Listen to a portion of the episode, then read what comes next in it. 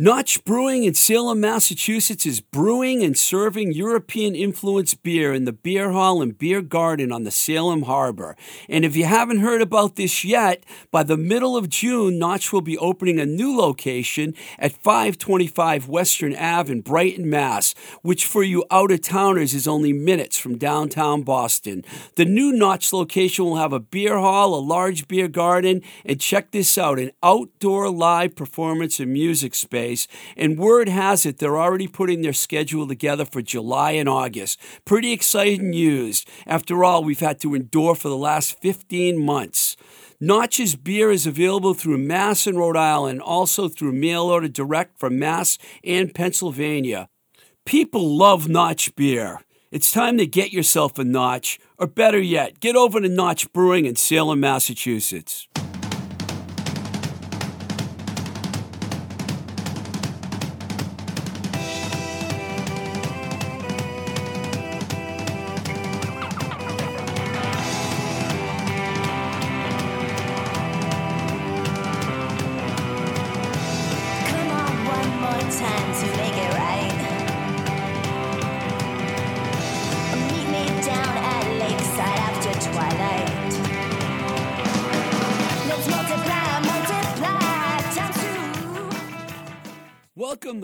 Smoke with Twisted Rico. I'm your host, Steve Ricardo.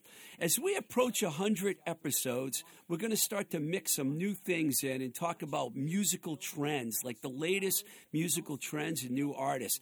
Today, I want to talk to you about a 20 year old that I found very intriguing that I had not heard of. His name is Finn Askew. Now, I'm not sure how many of you have even heard of Finn Askew, so I doubt you're even aware that the video for his song Roses has 32 million views on YouTube. You heard that right 32 million views. When I watched the video and did a little research and even asked my friend Ellie V, who, by the way, listens to a lot of new music and knows way more about new artists than I do, she didn't even know much about Finn Askew. We don't even know if we're saying his name right. Finn Askew, A S K E W. Uh, so we pondered how the hell does this 20 year old kid from Wellington, England, population 14,000, who recorded this song on Garage Band in his house, could have become an overnight sensation? She once again reminded me of something I already knew, and I always say it's all about timing and luck. It's great to be talented, but I can tell you a list of a thousand bands that are talented, but only a fraction of which actually become top selling stars, you know, big rock stars.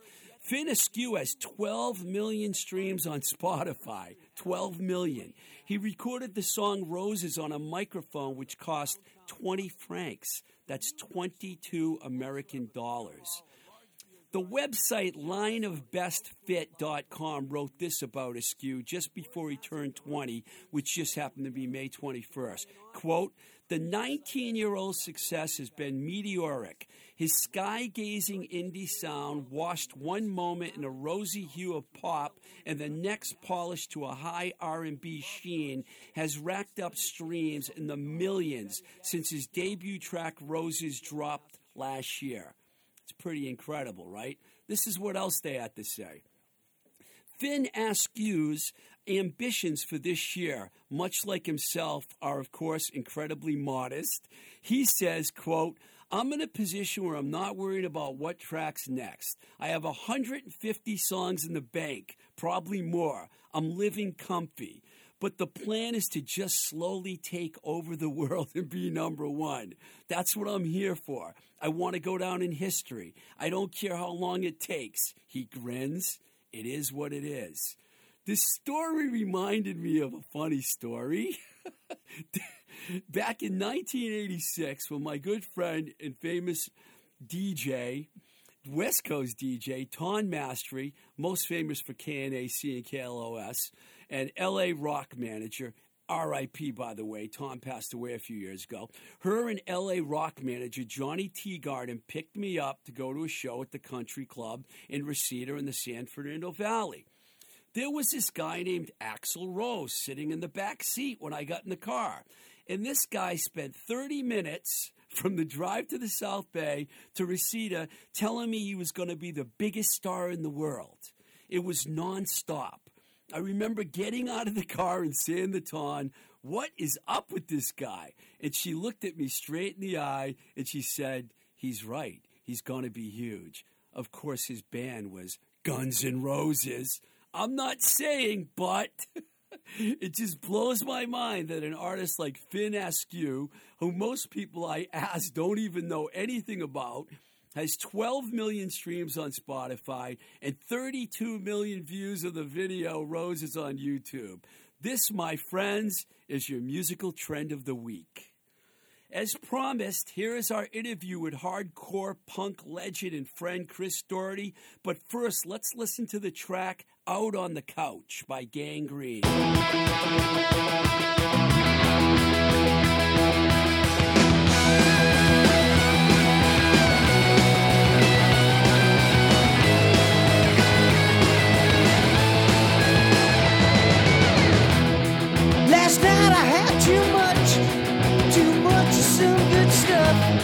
I on my couch. I checked the preview guide, and there's nothing I can find. So I myself a big. Oh, the couch, out the couch. Oh, the couch, down for the count. The channels. I missed my favorite show, and I lost the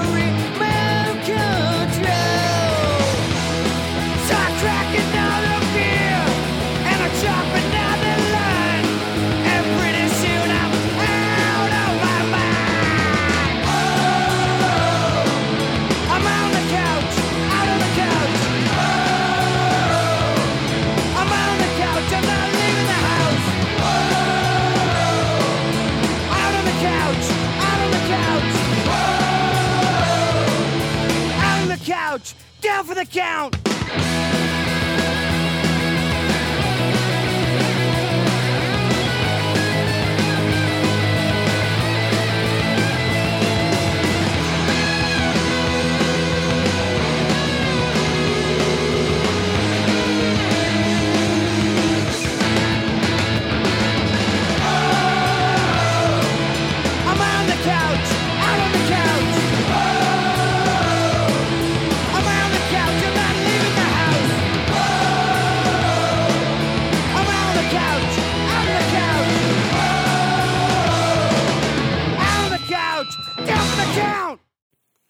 All right, that gem was from the 1997 album Another Case of Brutality from Gang Green. The song was called Out on the Couch.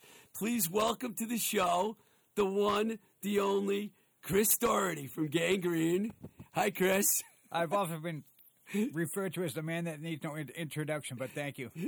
And you brought a friend with you, Mike Worm from the band Worm. Yeah. Hi, Mike. How you doing? Cool. Good. Yeah, they're uh, they're picking up the, the Boston hardcore. They're picking it up where you left it yeah, off. Yeah, one of my favorite, most exciting bands in the city right now. Nice. I'm going to ask you about a question about that. But um, can we go way back and start like way back? Because I want to do a little history here. Uh, believe it or not, it was 41 years ago when you and Mike Dean and Bill Manley uh, started Gang Green. You were only 15, I believe. Uh, what do you do? You remember anything about those days at all? Oh yeah, it, it was it was a blast. Uh, you know, we, we were young kids and you know had had a lot of ambition and and just you know I used to get off the school bus every day, go to my house, change my clothes, grab my guitar, and walk to Mike Dean's house to practice. And years later, I ended up sleeping with this girl that uh, that said she she saw me walking every day and said, "Man, I, I know that guy's going to do something musically." She was right. Yeah. Uh, you guys had seven songs on the uh, "This Is Boston, Not L.A." compilation, which now, even then, it's regarded as one of the greatest hardcore records ever released. Well, yeah, it, it, if it is regarded as one of the greatest hardcore records ever released, it wasn't just because of us. I mean, we we uh, uh, got a lot of fame and notoriety because of our tracks on there. But there was also, you know, the FUs and Jerry's Kids and the Freeze. had some- Freeze, had yeah. good- yeah. So it was it was a good uh, representation of Boston hardcore at the time. You know, I, I was I'm curious about this. Around that time, you know how the Boston crew was around and they were really pushing the straight edge scene on everybody. How did they? What did they think about you guys? Because you guys were not straight edge. I mean, my, it's true, Mike. They were not Yeah. straight edge. I think I think we were far from it, but you know, we were still in high school. You know, sophomores and juniors in high school. We really weren't into uh, being out on our own and being unsupervised at that point. So we weren't as messed up as we later bec- became in later years. Did you get to know like Al and and uh, Dave Small and all those oh, yeah, guys? Yeah, Dave Smalley's still a great friend. In fact, we played a, a show up in Flint, Michigan with Stiff Little Fingers, and his uh, his band All or whatever you know, he's been in a bunch of bands, played in Detroit, and they showed up at the show afterwards, and I felt really guilty because I'm I'm sitting there with Dave Smalley. And I don't know if I should say this, but he's got a straight, straight edge for life tattoo, and we got fucking hammered. I, I, I, it wouldn't. That doesn't surprise me, and I'm sure Dave wasn't that surprised either by no. it. I hung around with Dave a lot in L.A. in the early '90s when he was putting down by law together, and he would come out and watch Celtic games with me, and I was pounding brews down, and he was just hanging out, Yeah. drinking his, uh, I don't know, soda water and lime or whatever Dave uh, drank. did you, uh, you know, a few years after you actually got the original Gang Green together, you found yourself in another incredible situation. You were in Jerry's Kids. Is This My World came out in 1983. Another record that's highly, highly regarded. That was like right smack in the middle of the whole American hardcore scene. What was that like for you being with Jerry's Kids, who a lot of people still say is like the greatest live band ever? When you were in the band, you Yeah. guys were on fire. I uh, I don't want to say I grew up in a town called Braintree because I still haven't grown up yet. But when I was a kid, I lived in Braintree, and it produced a lot of fucking a lot of crazy punk rockers. You get me, Mike Dean, Bill Manley, Bob Cenci, Rick Jones, Brian Betzger, Dave Aronson, who have recently passed away, and I, and I was I was really sorry when I heard that. But you know, we we had done Boston, LA at Radio Beat, and then we recorded "Is This My World" at uh, a slightly better studio with Lou Giordano producing and engineering. Famous producer. Yeah. And that was a lot of fun. I mean, it was right, it was on Newbury Street, like fifth, sixth floor up there. And of course, you know, with just young troublemaking kids, and, and there's a window that looks right out to like the to the intersection of Newbury Street and Mass Ave, and we were throwing anything we could at trying to trying to get in into like cars with sunroofs or or moonroofs open, you know, earplugs to to bottle caps, you name it. We were just throwing all kinds of shit out the window. I'm sure Lou really appreciated that. Yeah. you were you've been friends with those Jerry's Kids guys for a long time. Yeah, and I just recently saw Bob and Rick, and it was great to see him. Cool, man. I Yeah. I I saw them years ago, but I thought when the the hardcore reunion show happened, which you guys Gang Green also played uh, in Saugus Revere, whatever that was, I couldn't believe how good Jerry's Kids were that night. It was like they didn't miss a beat. I mean, all the bands were great, Yeah. but Jerry's Kids, everyone was like, "Oh my god, these guys are like amazing." Yeah, it you know a lot of my influence. I have to give you know tip my hat to Rick Jones. You know he was uh, on the forefront. Well, I, he might have been the only one one that we hung around with that had a job, so he could afford to buy records, and he would you know get the new imports coming in from London and, and you know say, hey, check out this band Discharge, and and Bob often says that you know. Jerry's Kids being from Boston is kind of, you know, logistically between Los Angeles and London, so they kind of had the West Coast hardcore punk thing, like you know the Jerks and Suicidal brought into it, and you know like Discharge, yeah. Discharge, a great is a great example when you think about that. The, their their sound, you know. Al Quint was on my show not too long ago, and that's his favorite band ever is Discharge. He always talks about how great they were, and when you listen to their music now, you realize they, how influential they, they really were in the whole scene.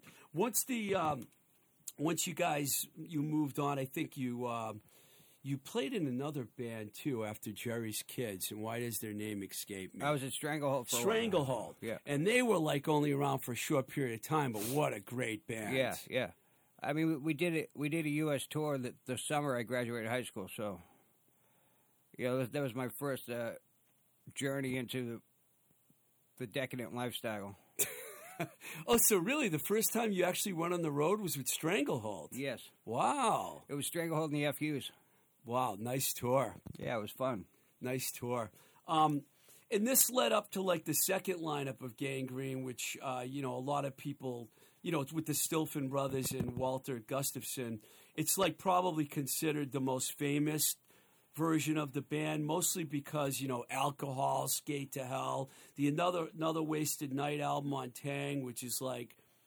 I know I keep saying one of the greatest records ever, but Chris, let's face it, you've been on a lot of great projects over the years, so it's Oh, hard. not- blushing over here, Steve. Come on. it, well, it's it's hard not to say that Right. because when you think about this is Boston, not L.A. Jerry's Kids, and now another wasted night. How can you not say these are some not some of the most well, influential? I, I once heard Joe Strummer say the band's only as good as its drummer. And Mike Dean was an amazing drummer, and we all know that Walter is probably one of the best in the world, still to this day. Yeah, Walter's great. Yeah, man. and Brian Betzger played in Jerry's Kids, and then when Walter left Gang Green to, to pursue his career with the outlets, Brian came into Gang Green. And it, it, you know, you mentioned Jerry's Kids. It was weird. We were, when Walt, we knew Walter was leaving. They, he, you know, the outlets got some deal. You, you might have even signed him. I did sign Yeah. him. We're going to talk about Yeah. you guys staying at my house in LA in a couple minutes because that was unforgettable. oh, yeah, that's why. Well, yeah, you know, if you recall correctly, when you guys did come out to California, and I, was, I might as well tell the story now. I had Gang Green and and the outlets and Springa. You guys brought Springa with you, all staying in my apartment in Redondo Beach at the same time. My couch got broken. It was unforgettable. and uh, there were so many crazy things that happened. But the craziest thing I remember is Gang Green had a show in San Diego at 8 o'clock, and the outlets had a show in LA at 11 o'clock. And Walter played in both bands in the same night. yeah, we, so we played at a roller skate rink in San Diego. Fear was the headliner, and then us, and then SNFU and uh, Battalion was Battalion on that show? um, Adrenaline OD, maybe. Yeah, it was a huge show, Yeah. but I was the one that had to drive from San Diego to LA and make it to the show. The minute Walter got off the stage, it was like literally Hop nine o'clock. And making it from San Diego to LA in two hours is not easy. we make it. They get on stage. Bart, Dave Barton was with me. Dave took the ride with me. They get on stage, first string. Barton breaks a string. But like we rushed here. It was at this uh, Madame Wong's was the Well, name it of was the a. Cathay de Grand, maybe. It was Matt. They did play Cathay yeah. de Grand that week, and uh, El Duce. He- he was out there with his pants down. You were at that yeah, show. Yeah, he was out, Yeah, there, out that- there with his pants down, like dancing around the floor. El Duce from the Mentor. that Yeah. mentor, the outlets are on stage playing, and El Duce decides to pull his pants down and dance, everything hanging out in front of the band. And you know what? The band never stopped. They just blew right through their set, and people in the audience were horrified, especially the women. It was pretty. It, it was a punk rock And- moment. and they were horrified of El Duce, not the outlets. yeah, El Duce was. Just to take, take a step back here before I was going to bring this up before you guys came to LA because a lot of good stuff happened when you guys were there. Uh, uh, but before that is kind of when Gang Green really blew up with that PMRC Sucks 12 inch, which was a you guys did a cover of Voices Carry called it Voices Scary, the Till Tuesday song. Yeah, which- and then then they had uh, on the cover of that was a picture of myself and Aimee Mann from the Boston Music Awards. It's hard to find that, man. That's a real collector's item. I, I I don't own that And then one. Taang got a, a cease and desist order from uh, Till Tuesday's attorney. Is that why the record disappeared off the face of the earth? No, that's why we changed the cover. But uh, that was off the heels of winning the Rock and Roll Rumble. And for people in the Boston area that have been seeing the Rumble lately, this was at the Orpheum Theater that you guys won the Rumble. That's where the finals used to be. And there were like 2,000 people there. It was Oh, unbelievable. it was full. Yeah, I mean, we ruined it and I apologize. we ruined it for a lot of bands. I mean, there were, there were sponsors that would never have anything to do with again after we won. Yeah, it was uh, pretty, Jordan Marsh used to be a sponsor. They they backed right out, thanks to Gang Green. and there were. Uh, you know prizes that you you know we got we got a, a chunk of cash and, and all kinds of prizes, and there were people that like didn't want to give us the the, the prizes. They, like there was a, a guy that had a a sound studio down in Brockton that you know one of the prizes you could practice there for a month. And he's like, no, I don't want to give it to him. Didn't want Gang Green No. in his building. it was funny too because Chuck and Glenn were pretty mellow dudes, you know. It was the other two guys in the band, Walter and, and you know this guy over here, Chris Doherty, that were like you know on, on another level of insanity, which I appreciated greatly. But going back to after that, when you were in LA, I'll never forget going to that show at Al's Bar when you guys played. Um, Gang Green played at Al's Bar, and Springa got on stage, and you guys did a Whole Lotta Rosie together. It was like unbelievable. The crowd was like, because SSD was, you know, pretty pretty big band too. So yeah, and I got to tell you, Springa is a lifelong, you know, unconditional friend, and and we'll get into this a little bit later. But I, I, you know, about two and a half years ago, I suffered a stroke, and there were a couple of benefits for me, and he he was kind enough to, you know, help out at both of them. Yeah, I was going to bring up the benefit as we came along. That was I wasn't I was living in Pittsburgh. Otherwise, I would have been um, I would have been at that show, Chris. You know that, man. I know you wouldn't have missed it. I watched a lot of it online, um, and I got to tell you, you know what band stole the show? Outlets. They were They were unbelievable. awesome that night, weren't they? They were just incredible. Everyone that was there even says that too. They had a unbelievable time. But when you guys was, were like, all such a great night. when you you were at the show, Mike. Yeah, we, we played- opened yeah. up. Yeah. Oh, you guys played too. Cool. So that must have been real early because didn't the outlets go on at like nine or something? Outlets went on earlier than that. I think they went on at eight. wow. The Dogmatics and Un- Unnatural Acts played before them. Wow, what a lineup, man. What a lineup. I wish I could have been there for that. Here's here's what happened. I had it, that was January 11th. On October 28th, I, I suffered a stroke, and I was in the hospital, in a hospital bed till January 9th. And on the 9th, I flew back to Boston. Yeah, I was really surprised when I heard that you were at the show. I was happy that you were there, but I was surprised Yeah. at the same time. I was in a wheelchair. Yeah, I heard, man. I heard. I'm glad that you're sitting here right now and we didn't have to wheel you in here, man. It makes me very happy. I'm I'm just glad I'm above ground. Yeah, we all are, man. Actually, we're down in the basement. I take that back. We're right next to a cemetery, by the way, which is on the other side of that wall. And so you're not really that far right, and away. that's filled with plenty of people that had plans for tomorrow. Uh, all right, uh, we, we've been all over the place, but I kind of expected that. I wanted to ask you about your time with Roadrunner because you recorded four records with Roadrunner, and uh, you know that was a pretty busy period for you because you guys went on these major tours. You went all, you went to Europe. You did everything. Cees Wessels is kind of a different guy than Curtis Casella.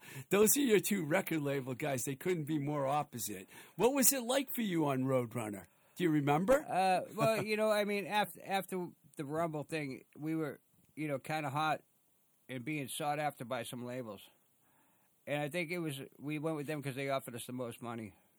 Which, hey, why not, right? Yeah, if you need the money, yes. And I know I know Roadrunner has a lot of money because I worked there. I actually was one of the first people that originally told Cees Wessels that we should sign Roadrunner. They didn't. You guys didn't get signed until after I left. I don't know. Doug Keogh, I think, may have been the Yeah, one yeah, yeah. that signed you guys. But it was one of those But I, thi- I think there was a few times we hung out in that New York office together. Yo, didn't yeah, definitely. I had great Gang Green was always on my radar, but I could never sign them because they they were always in too big a demand.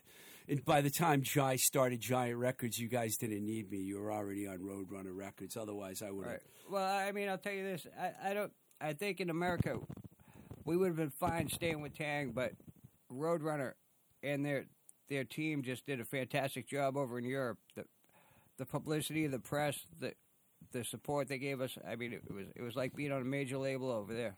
Yeah, Cees Wessels is a you know one thing about him is he's not he's not not a generous guy. He's very generous, and he gives a lot of money to the bands, and he helps them get on the road. I signed the neighborhoods and the Great Cat to to Roadrunner, so I, I know what it was like having Cees around. They definitely they definitely dished out the cash. There's no doubt about that. Plus, you guys had a really good manager too. I'm sure did a good job negotiating the whole thing, Mr. Alec Peters. Yeah, and, and I, I mentioned to you earlier that, that he did send his regards and Yeah. his best. Yeah, Yeah, thank you. Hi, Alec. I know you're listening. yeah. He's you know I have to say he's one of the, the best and closest friends I've had. Uh, you know throughout my life, and we kind of started this Gang Green thing together, and, and he's been in and out through different phases of it, but always one of my closest and best friends. Yeah, I know. That's one thing I like about you is you stuck by certain people like him and Curtis pretty much the whole time, man. I mean, those guys have been there by your side pretty much the whole time. They've been supporters and like always Gang Green at the top because I could tell when I talked to Curtis when he was on my show how, how much mutual respect you guys have for each other. Yeah, I mean, I, I love Curtis and his, his girlfriend Penny and, and his daughter Lucci and his son Dylan. I mean, I, I stayed at their house for probably a month and a half in the summer of 2018 or 19. Cool. Yeah.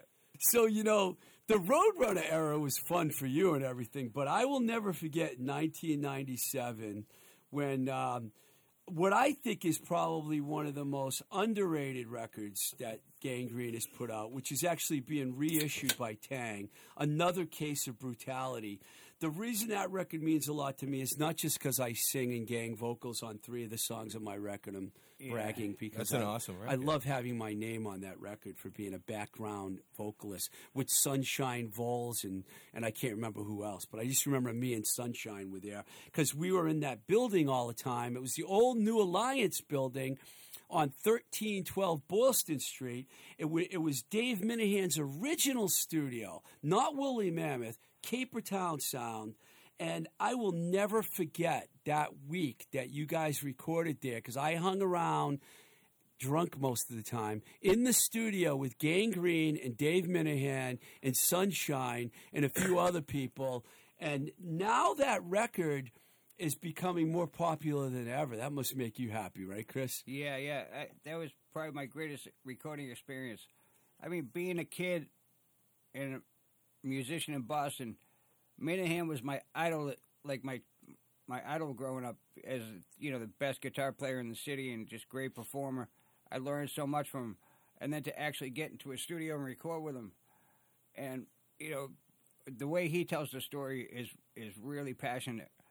What we would do, I mean, I think there's like 23 or 24 songs on that record. It's a lot of songs. Yeah. And Walter and I, Walter would come over to my house and we'd sit there and, and we'd write the songs sitting at my kitchen table and, reco- and put them on this little tape recorder. We, when we were in the studio, we get the drum track down first. When you're doing the basics, you mean? Yeah. Yeah. We, we, we just concentrate on the drums and we got these incredible drum tracks. And then we go out in the hallway so I could smoke a cigarette and we, you know, press play and, and go to the next song, you know, to get the arrangements down, you know, in our head.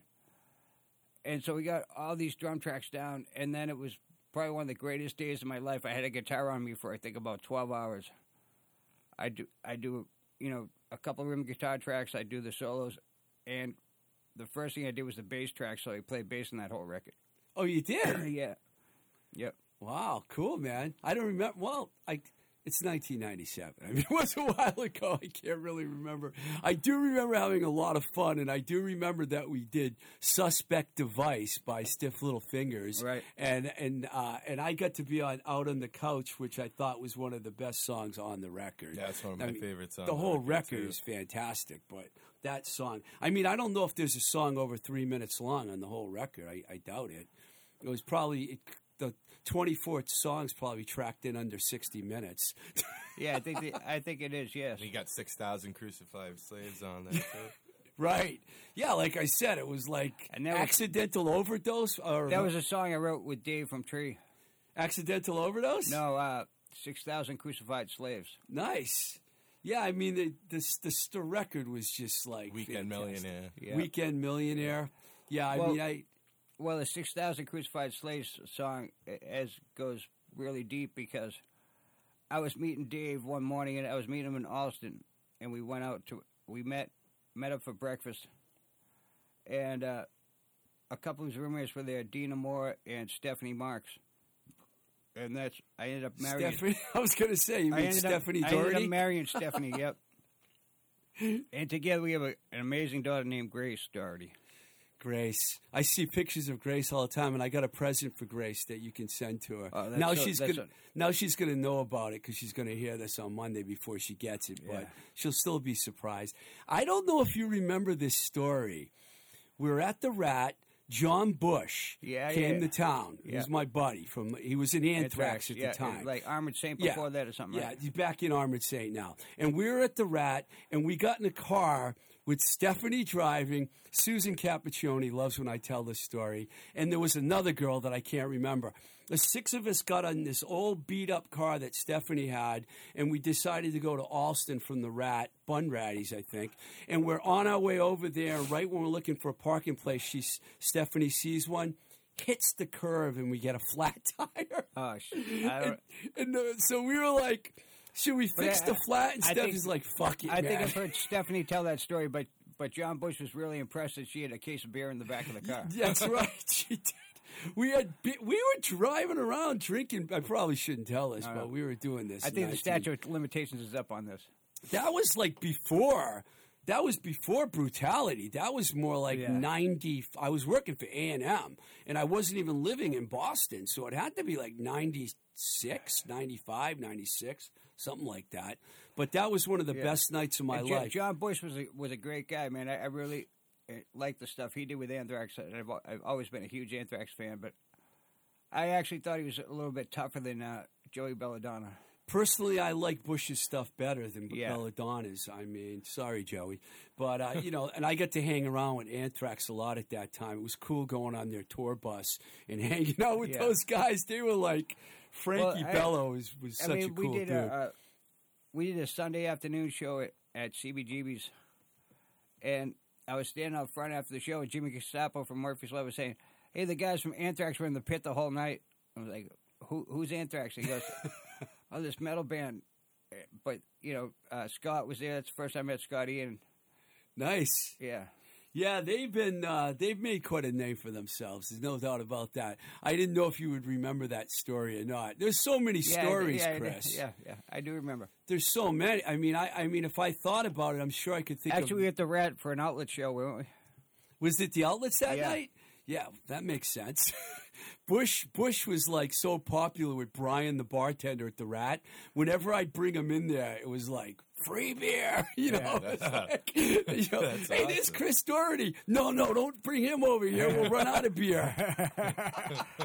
but, and there was other things going on that night I too. mean, there, there were lots of bartenders at the Rat that were very, you know, gracious to me. Yeah, you were loved. And I, and I think it was probably because every time Gang Green played there, they made a ton of money. Yeah, absolutely. You know, I've seen Gang Green all over the place. I was trying to think of all the times I've seen the band. I've seen you guys in Boston a zillion times, New York. I remember I went and saw you guys at the Lucky Dog Music Hall once in Worcester. That was really Yeah. Chili Kurtz from KHT came on stage and played harmonica, and you guys did a Beastie Boys song. That was pretty cool. And then L.A. several times, San Diego. And then uh, I was really pissed off when you guys were in Pittsburgh three years ago when I was living there. I didn't even know you guys played.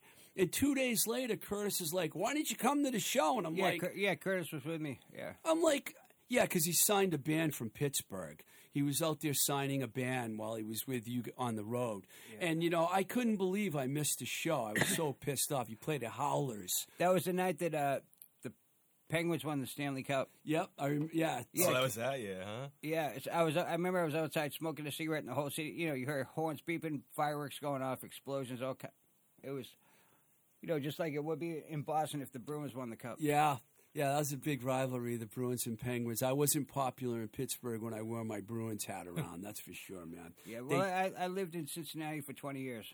Yeah, I was going to ask you about Cincinnati, man. You actually put together another version of the band while you were out there? Well, you know, I I when I, I lived there for a couple of years, and I really didn't want to get involved in the, the music scene because the, the music scene in Cincinnati really sucks. It does. yeah. Sorry. Although the Greenhornes I like are from there, and the Ass Ponies. Those are the only two bands I can think of Yeah, from Cincinnati. There's that a I band called uh, Sluggo, like. Sluggo, yep. and uh, the guitar player Chris Donnelly bec- ended up becoming one of my best friends. He works at Sam Ash Music out there. I, I just remembered another uh, a time I saw Gang Green. That was a lot of fun. Gang Green played with Evan Dando opening up in New Hampshire. Do you remember that show? Yeah, that, you were at that show. That was, Yes, that, I- was, that was a blast. It yeah. was great hanging out with you and Evan in the same night because you guys are two of the coolest dudes ever to come from Well, you- Boston. You mentioned Susan Ca- Caput. Cappuccioni? Yeah. She's laughing right now. I ran into her uh, last summer. The the Lemonheads played at the Yarmouth Drive-In. Yeah, I heard about that Yeah. during the pandemic, right? Yeah. Yeah. And Yeah, she's she- like, and she came and said, "Hey, Chris and Susan," and I really kind of draw a blank. I mean, there's been so many women that have come and gone into my life that You're funny, man. she I was- believe it. She was looking really good, and I thought, yeah, you know, maybe. Uh, Stephanie's probably not laughing right now, or maybe she is, you know. But then I said, then I took a picture of me and Susan together, and sent it to Stephanie. She and she wrote back Susan Ca- Cappuccioni, and then I remembered who she was. Well, she was in the car the night we hit the curb, man, and we had the case of beer in the back seat, Yeah. so which was legendary. Um, now, you know, because of the stroke and everything, man, uh, are you going to be able to play? Well, I'm walking now, and I was told I'd never be able to walk again, and I'm starting to see some movement in my fingers. I, I, I mean, I, I had a physical therapist that told me, or an occupational therapist told me that you have to get used to you. The idea your fingers may never move again. I said that's not a fucking option because I will play again. You played so fast, Chris. Man, I was listening to uh, another case of brutality this morning. I was like, the guitar is so fast on that record. But then I'm like, but wait a second, Jerry's Kids was pretty fast, dude. Yeah. You know, what I mean, and Boston, LA, Gang Green stuff was yeah, incredibly fast. Yeah, you're like one of the fastest in the world, man. Cannibal Corpse has nothing on Gang Green, man. I'm sorry. They don't. So uh, you brought Mike down with you, and Mike's in the band Worm, Mike Worm. And uh, there must be a reason why you brought Mike with you, Chris. Uh, You love Yeah, his band, right? yeah. I love his band. It, they he promoted a show that we played in Nantasket at the Fantastic- C note. at the C note, and he he played my the benefit at the Paradise. And we just become good friends. We hang out a lot, and it's Yeah, I put out a um, compilation CD in January or February rather to help uh, raise money for the C note, so they didn't, so they don't close down during. Are the they going to stay open? They're doing live streams now, so it's look it's looking very promising. Once all this shit gets lifted, Can we find your stuff on Bandcamp and Yep. places like that? So just Worm on Bandcamp. Worm Punk's on Bandcamp, and then I kind of started a, a little record company like four or five years ago. It's very small, but yeah, that's I, what I, I, put I, the I comp- contributed. I contributed a song to the the uh, that compilation. Yeah, we got Gang Green on there, Right. Siege, Freeze, Dogmatics, Tree Okay, I love. Wow, really? for, for the big names, and then we got all small local bands that have been playing around for years that have played played the club. Well, can I just tell you, The Freeze is one of my favorite bands ever. Land of the Lost, that record is so brilliant. I mean, you must have played shows with those guys, Chris. Uh, many, many, many, many. Yeah. In fact, you know they were they were kind of like the first punk band from this area. Yeah, they were from the Cape too, Yeah. which is kind of And funny. we used to go down to the Cape to the Mill Hill Club, and they, you know, they have, you know, Gang Green and Jerry's Kids and the FUs and the Freeze headline, and and it was just a wild, wild Wow, time.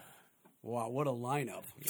oh man, I've seen some great lineups, but uh, the the hardcore matinee we mentioned it earlier. But, down I'm down sorry. the down the Cape, they may not have appreciated as much as they would have in Boston. Did you think the Freeze had a hard time breaking into the Boston scene? Because there's rumors that they did. I mean, were they respected by all the other bands? I'm sure you respected them. I respected them, yeah. But I'm a respectable guy, so I give respect where, where it's where it's deserved. But uh, That is true. I think, you know, they were older. I mean, a lot of, you know, like Gang Green and Jerry's Kids was still in high school when, when Boston LA was recorded. The Freeze were, you know, old enough to drink and were drinking. And uh, Maybe that's why the Boston crew didn't Yeah, uh, greet yeah. them with open arms. and Sorry, Al. and, and did uh, I've asked Al Barilla to come on my show, but he, And they- his, and they- his demands are high. and I think they did uh, uh, crystal meth before it was like fashionable. So let's talk about the uh, hardcore matinee show because you were in the uh, well, that was the trip, the XXX Boston hardcore movie. But before that, you were also in American Hardcore, and I think you scared a lot of people with your story about going to the promoter's house Yeah. with a baseball bat in Salt Lake City. Uh, you didn't hit the guy with the bat, though, right? I was ready to. Did he give you some money? Yeah, I think we got you know maybe 40, 50 bucks out of the guy. We we took everything he had. I'm sure he'll never and, forget and you. I think we stole his ghetto blast. Took his ghetto blaster too. but you know, I mean, we we drove and arrived in fumes to the place we were supposed to play, and there was no show going on. So we found the guy's house. You know, pulled him out of bed. He was in bed with his girlfriend. You know, and just like circled the guy out front, and I, and I said, "Go get the bat." and we we had like a you know like kind of a t-ball sized bat, but good enough to bigger than what you'd beat a fish with, but good enough to beat a human with. And uh, he's like, "Bat, what?" The guy started freaking out. and then his final straw was, I said, "Do you have any drugs?" And he goes, "Drugs? You guys are fucked." Uh, blowing smoke with Twisted Rico does not condone all the Oh, yeah, comments of, of the guests on the show, but you know people can say whatever they want. Okay, I would never beat a fish with a bat myself personally, so I don't think Chris would either. I think he was just. Well, if a shark jumped on your boat and he was biting your ankle, you'd hit him with something, wouldn't you? It's a good point. So, so uh, you know, after you became a, a, a bigger star after American Hardcore, there was the Boston Hardcore um, co- uh, documentary, which Drew, Drew Stone put together, which was excellent, and the show. Gang Green played with all those other bands: DYS, Jerry's Kids, uh, Slapshot, FUs. Uh, am I forgetting somebody? Were you at that show, Mike? no, no. Uh, it was great. It was in the Wonderland Ballroom, I think. Yeah, it was a big show. I mean, it was, that was fun. It was it was It was unbelievable. it was like a high school reunion. the only band that wasn't there was Not that I ever went to one of those, but Yeah, the only band that didn't play from that original crew was SSD. You know. and it, wa- it was strange because uh, Chris Foley were there and Jaime Sciarappa were there and Springa, of course. oh yeah, he wouldn't- did sing a song with Springa somebody. wouldn't miss an opportunity to. Right. Yeah, I wish Al was there. man. Slapshot played. Slapshot. Yeah. Yeah. Yeah, that was just fantastic. And everybody was there. I came in from out of town for that show because there's no way I was going to miss that. Plus, I was in the documentary. They interviewed me. You know, it was funny. I was at a hotel across the street hanging out with Rikki Rockett from Poison. And, and uh, I mean, I was in the studio recording, right? They were interviewing me Right. Uh, Katie, the cleaning lady, and them. They were doing an interview with me, and I see Poison's tour bus, one of them across the street. I'm like, Poison's across the street, and I knew those guys because I worked with them at Enigma. So I went over and I was hanging out with Rikki Rockett the same day that I uh, did the Boston Heart, the, the XXX Boston. I always get the name of that film All ages. all ages show. XXX all ages show. Doc, if you haven't seen it, it's a great documentary about the Boston Right. Drew, scene. Drew also did a good one on the uh, New York hardcore scene. Yeah, yeah, and he did the the uh, Michael Alago documentary, which is Who- who really the good. F is this guy? Yeah, who the fuck is that guy? Michael's that a was great guy. that was really well done, and and I I knew Michael Alago, and I think he was kind of caught in Gang Green. And if we weren't so goddamn homophobic at the time, he may have signed us. Well, you're just letting it all out today, Chris. the guy that signed Metallica we're talking about right now, Michael Alago. I'm sure he probably wanted to sign Gang Green. So, uh, Chris, I asked you before you came on to tell me about new bands that you listen to, that you like. We already know you like Worm because you brought Mike with you. Is Yeah, there yeah. anyone else that you're listening to that you like that's yeah, a newer? good friend of mine, uh, Scruffy Wallace, that was the uh, bagpipe player for the Dropkick Murphys. oh yeah, he's got a new band. He's now, got a new too. band now called Boston Shadows. If I'm not mistaken, I think they might have recorded here. I think they down did, the yeah. hall with Yeah. uh, Ethan in New Alliance. Yeah, I, I talked to a couple. Yeah, they recorded an EP and it came out- came out great. They, don't some- those guys play with Dave Tree too? Some of Hey, them. what's what's Dave's Tree? I think some of them, yeah, Yeah. were, were in Yeah. Dead Friends. yeah, yeah, right, right. Mark That's what I thought. band there. That's what I thought, man. Um, Well, Chris, uh, thank you, man, for coming on the show. You know, Oh, wait, you aren't, we're not saying goodbye now, are we? I'm Uh, just I'm just getting warmed up. well, if you if, if you have some other things that you want to share with my listeners, the microphone's right in front of you. I'm not going to kick you out the door. That's Yeah. for sure. It Wow. wouldn't be the, if I get kicked out the door, it wouldn't be the first time. Believe me. Oh, you know what? I did want I did want to mention that Taang is re-releasing another case of brutality on green vinyl. I think it's coming out on Record Store Day, which is in June, right around the corner. And I think the beat. He's also releasing this. Uh, you know, when the DC hardcore scene was at its at its peak, Gang Green played at the Wilson Center uh, with like Government Issue, Scream, Double O, a bunch of DC hardcore bands. Good ones. Yeah, and it was you know probably our first gig out of town. I think SSD had played down there. And I remember Al being like a little, you know, you don't know what it's like to drive down there. We, we flew. You know, you get three, you know, teenage kids getting on an airplane. You guys flew down. Yeah. You took the private Gang Green plane, and SSD took Yeah. the van. Yeah. I get it. Yeah, we took the shuttle. Well, you played with GI, man. You know, I love Yeah. Government Issue. Tom Lau is on my show. They're one of my favorite The, uh, bands too. Some Curtis came up with a recording of that show somewhere, and I still haven't had a chance to listen to it because we don't know what the titles of all the songs, and some of them, I, I you know, that was a long time ago. I I, I can't remember the t- the names of the songs, but Song number three, song Right, number yeah. eight. well, that's good. I didn't know about that. That sounds pretty cool. yeah, and he wants to put that together with a, case of brutality. Nice. Or actually, I've recorded eleven songs before I had my stroke. unreleased material. Yeah. Wow, that's and that, exciting. And that you would- you would love this. That was actually going to be a split album with Gang Green and the Freeze. I did a couple of Freeze songs. They did a couple of Gang Green songs. no way. Way, Wow. yeah. So, is there a chance that that's going to see the light of day? I think Cliff Cliff from the Freeze is really cock blocking the whole thing. Okay, Cliff. I know you're listening, man. Help us out here, man. But We want that. We want to hear I mean, that. their their stuff came out great. Billy Close is an amazing guitar player. You know, he he, he tore it up on that. And I think they did, they did a Nervous Eaters song also. I'm not sure which one. Nice. Yeah. That's something to look forward to. Well, thank you, man, for coming on the show. And uh, Mike, thank you also for coming and d- driving. You, you're the limo driver that got Chris here today. Thanks for having I'm going to check Hey, out it- your stuff. Too, it's too bad it's not live because we're looking for some trouble to get into, and if you know, if people could call into the studio and let us know where we can Where's find a party? Well, I'm going to bring you down the hall to Alvin Long's office, and uh, you know you can say hi to Alvin because he's I'd right down him, the yeah. hall. And uh, thanks a lot, Chris Doherty, Mike Worm. Great having you guys on the show. Oh, the pleasure's all on this side of the table. All right, thanks, guys. Thank you. Hey, Steve, I got to tell you, man, it's it's great to see you again. Oh man, that was uh, that was incredible. Got to tell you, man, having legends in my in the studio here at Voice Motel is a good thing, and Chris Doherty definitely fit, fits the legendary moniker.